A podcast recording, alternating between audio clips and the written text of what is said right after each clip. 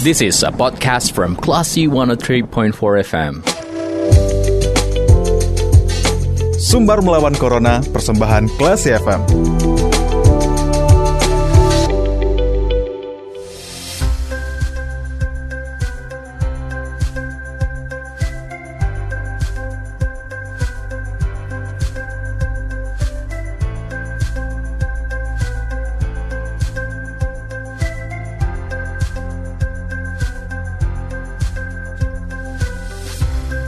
103,4 Classy FM bersama kita melawan Corona Classy People. Terima kasih masih mencermati Comfort Time dan saatnya Anda kembali mencermati sumber melawan Corona bersama saya, Bimo Alvaro. Classy People kali ini kita akan berbicara bersama narasumber kita yang sudah terhubung bersama kita di line telepon.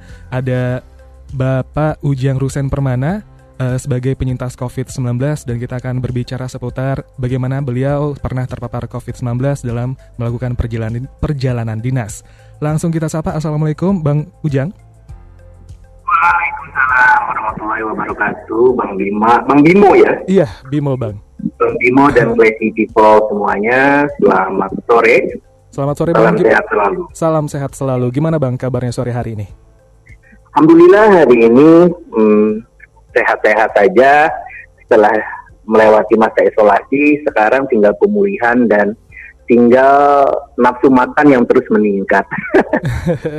Baik Bang, sebelum kita uh, berbicara seputar kegiatan Abang uh, melakukan isolasi mandiri, nah kita pengen tahu dulu nih, uh, ceritanya Abang bisa terpapar COVID dalam melakukan pindah dinas ya Bang ya dari Padang ke Jogja yang sebelumnya dites di Padang negatif, eh sampai di Jogja malah positif nih Bang. Betul. Jadi memang eh, saya awalnya memang berdinas di kereta api Padang. Sering beberapa kali juga eh, apa wawancara di Klesi FM terkait dengan eh, sumber di, di program sumber merawan corona ini. Kebetulan memang pada tanggal pada bulan kemarin itu uh, telegram dinas sudah keluar.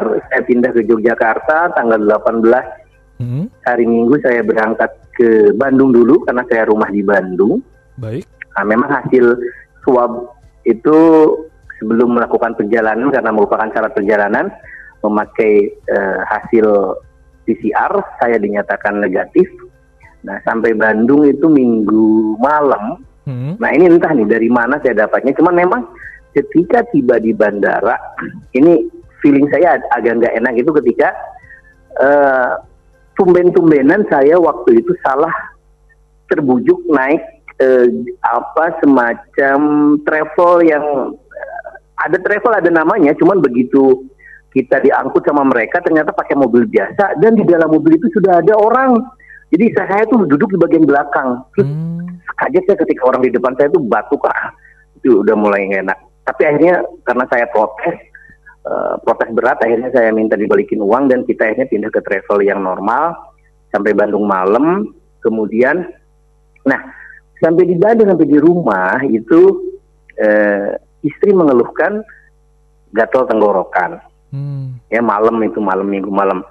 Nah istri juga memang sebelum kami bertemu di rumah istri itu dia keluar dulu uh, nengok orang tuanya yang sedang sakit dan kemudian pulang lagi menggunakan uh, angkutan online. Hmm. Nah pada malam itu ketika saya datang, istri mengeluhkan sakit, uh, bukan sakit apa, gatal tenggorokan. Konon katanya karena debu habis beres-beres kamar ya, saya percaya sih.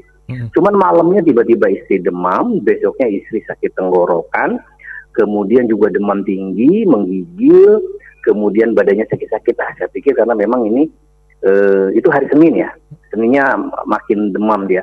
Uh, saya pikir karena memang radang tenggorokan, sudah seperti biasa saja. Nah, tiba-tiba Senin malam itu kok badan saya juga greget, nggak enak. Hmm. Ngantuk, terutama yang awal yang saya rasakan itu ngantuk berat. Persis seperti saya awal-awal habis divaksin. Saya hmm. kebetulan sudah vaksin uh, dosis pertama di Padang tanggal 16 Juni lah hmm. di M Jamil. Nah, persis seperti itu uh, Senin malam. Kemudian uh, Selasa pagi loh, saya itu makin gak enak badan mulai makin makin ngantuk segala macam lah. Tidur dikit-dikit tidur ngantuk, istri juga makin demam segala macam. Nah, ternyata Selasa malam dapat kabar saya harus pelantikan di Yogyakarta hari Kamis. Hmm. Nah otomatis saya kan Rabu harus berangkat kalau begitu. Hmm. Nah, Selasa malam jam 10 malam saya itu tes antigen untuk perjalanan persyaratan naik kereta api. Hmm. Itu dinyatakan negatif.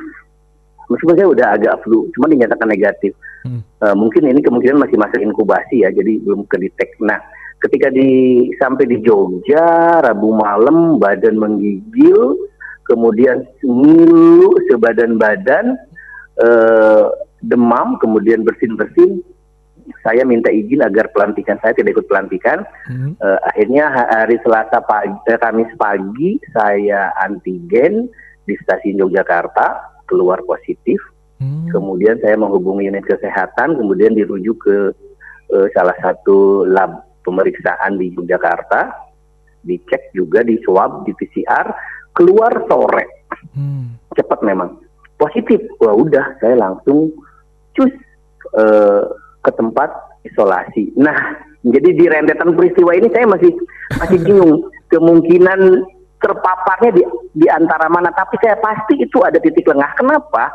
Karena saya begitu dinas di Padang awal itu ya awal-awal saya dinas di Padang di Sumatera Barat, Hmm. saya kena isolasi kontak erat dua kali alhamdulillah hasilnya negatif bolak balik Bandung Padang Bandung Padang sebulan sekali alhamdulillah tidak tidak terpapar tapi begitu nyampe hari terakhir di Padang nyampe di Bandung persiapan dinas ke Jogja nah ini sampai di Jogja tiba-tiba positif nah ini saya juga tapi saya yakin pasti ada titik-titik lemah di antara in between antara kemungkinan, kemungkinan saya kemungkinan dari istri yang sudah berbulan-bulan di rumah tidak keluar tiba-tiba harus keluar waktu itu karena memang urgent karena ada orang tua sakit dan balik. Eh mungkin antara itulah titik lemahnya lah. Mm-mm. Berarti bisa kita ambil eh, kesimpulan ya bang ya, eh, se seketatnya kita menjaga prokes kalau misalnya memang eh, ini apa ya dalam perjalanan atau dalam melakukan kegiatan kita emang tiba-tiba nggak aware, ini bisa menjadi celah juga ya untuk eh, COVID-nya bisa kena gitu ya bang.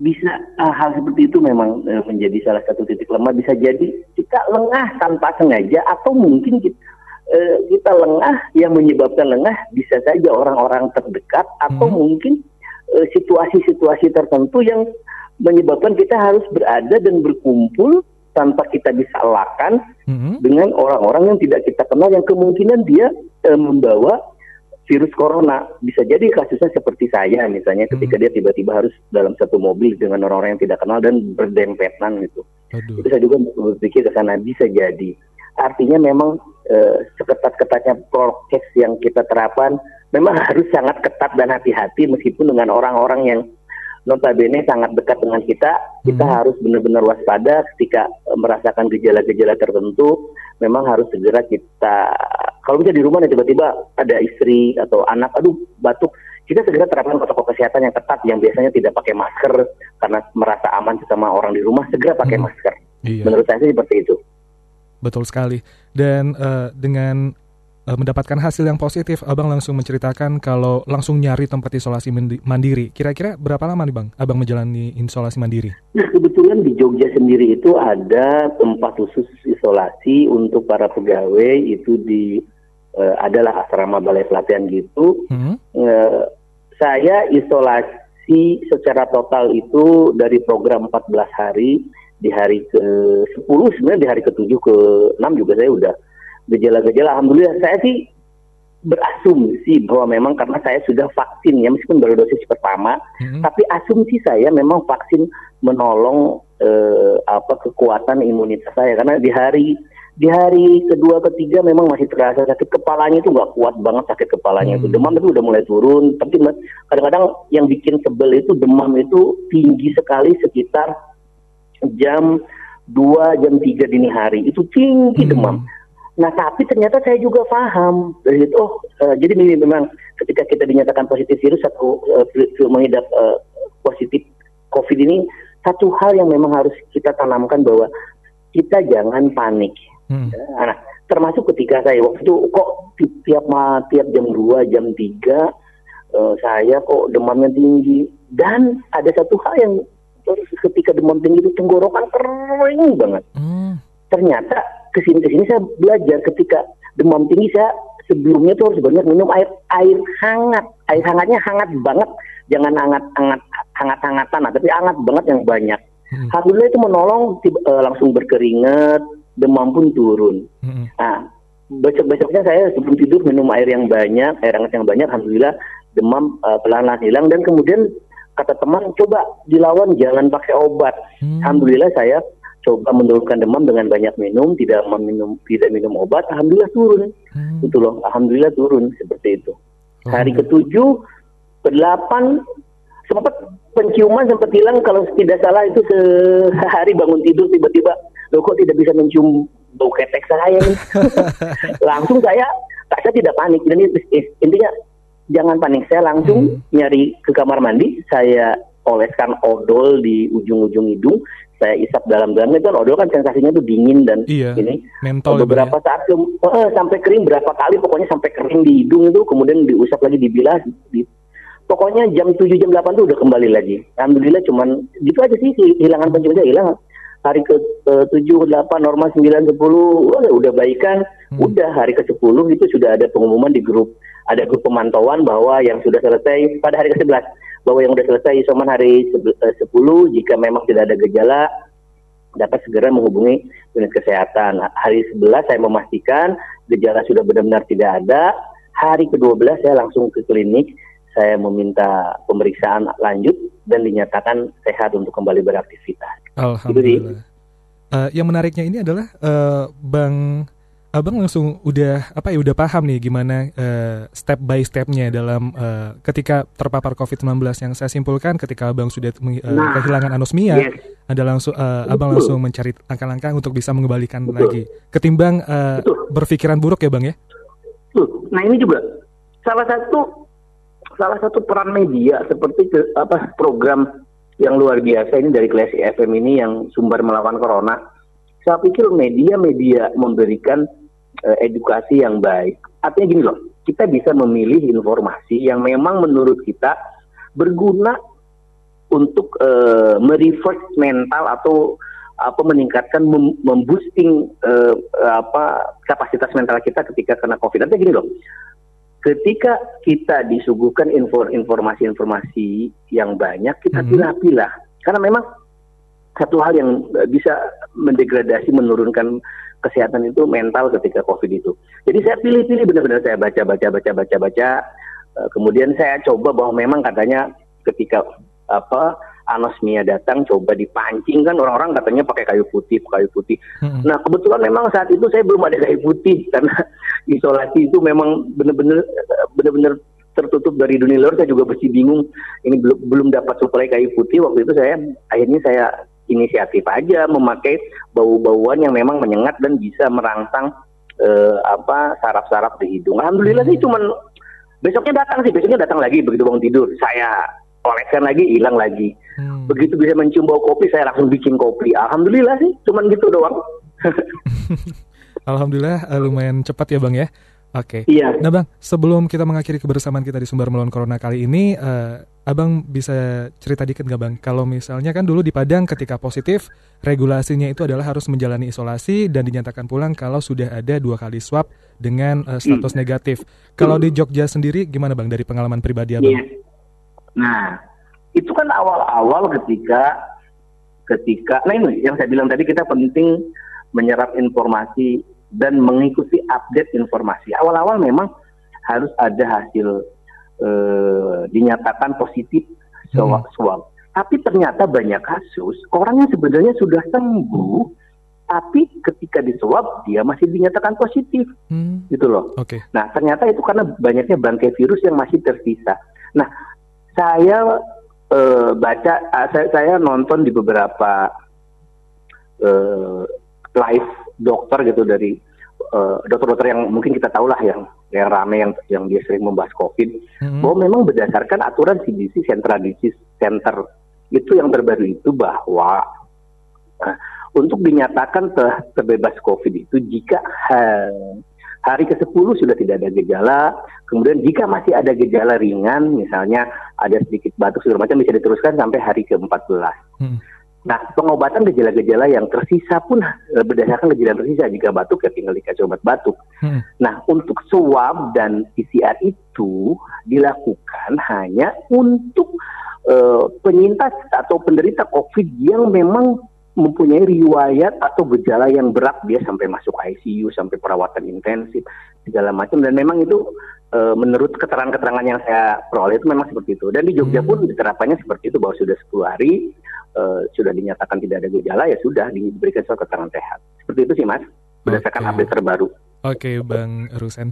Uh, Bang Rusen, terima kasih waktunya sore hari ini, Bang. Terima kasih sama-sama. Oke, jaga kesehatan terus, Bang, dan sampai jumpa ah, di lain kesempatan. Salam untuk teman-teman di kelas FM. Salam untuk Sumatera Barat yang luar biasa. Oke, terima kasih, Bang Rusen. Assalamualaikum. Waalaikumsalam warahmatullahi wabarakatuh. Baik Classy People, itu ada Bang Rusen sebagai penyintas COVID-19 dan kita terus mengingatkan Classy People untuk terus menerapkan protokol kesehatan di mana pun dan kapan pun, jangan sampai lengah dan semoga dengan menerapkan prokes kita juga bisa membantu pemerintah dalam menekan angka kasus positif COVID-19 di Indonesia. Kita ke program selanjutnya. Terima kasih.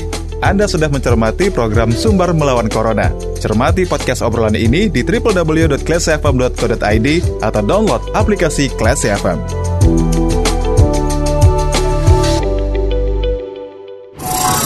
This is a podcast from Classy 103.4 FM.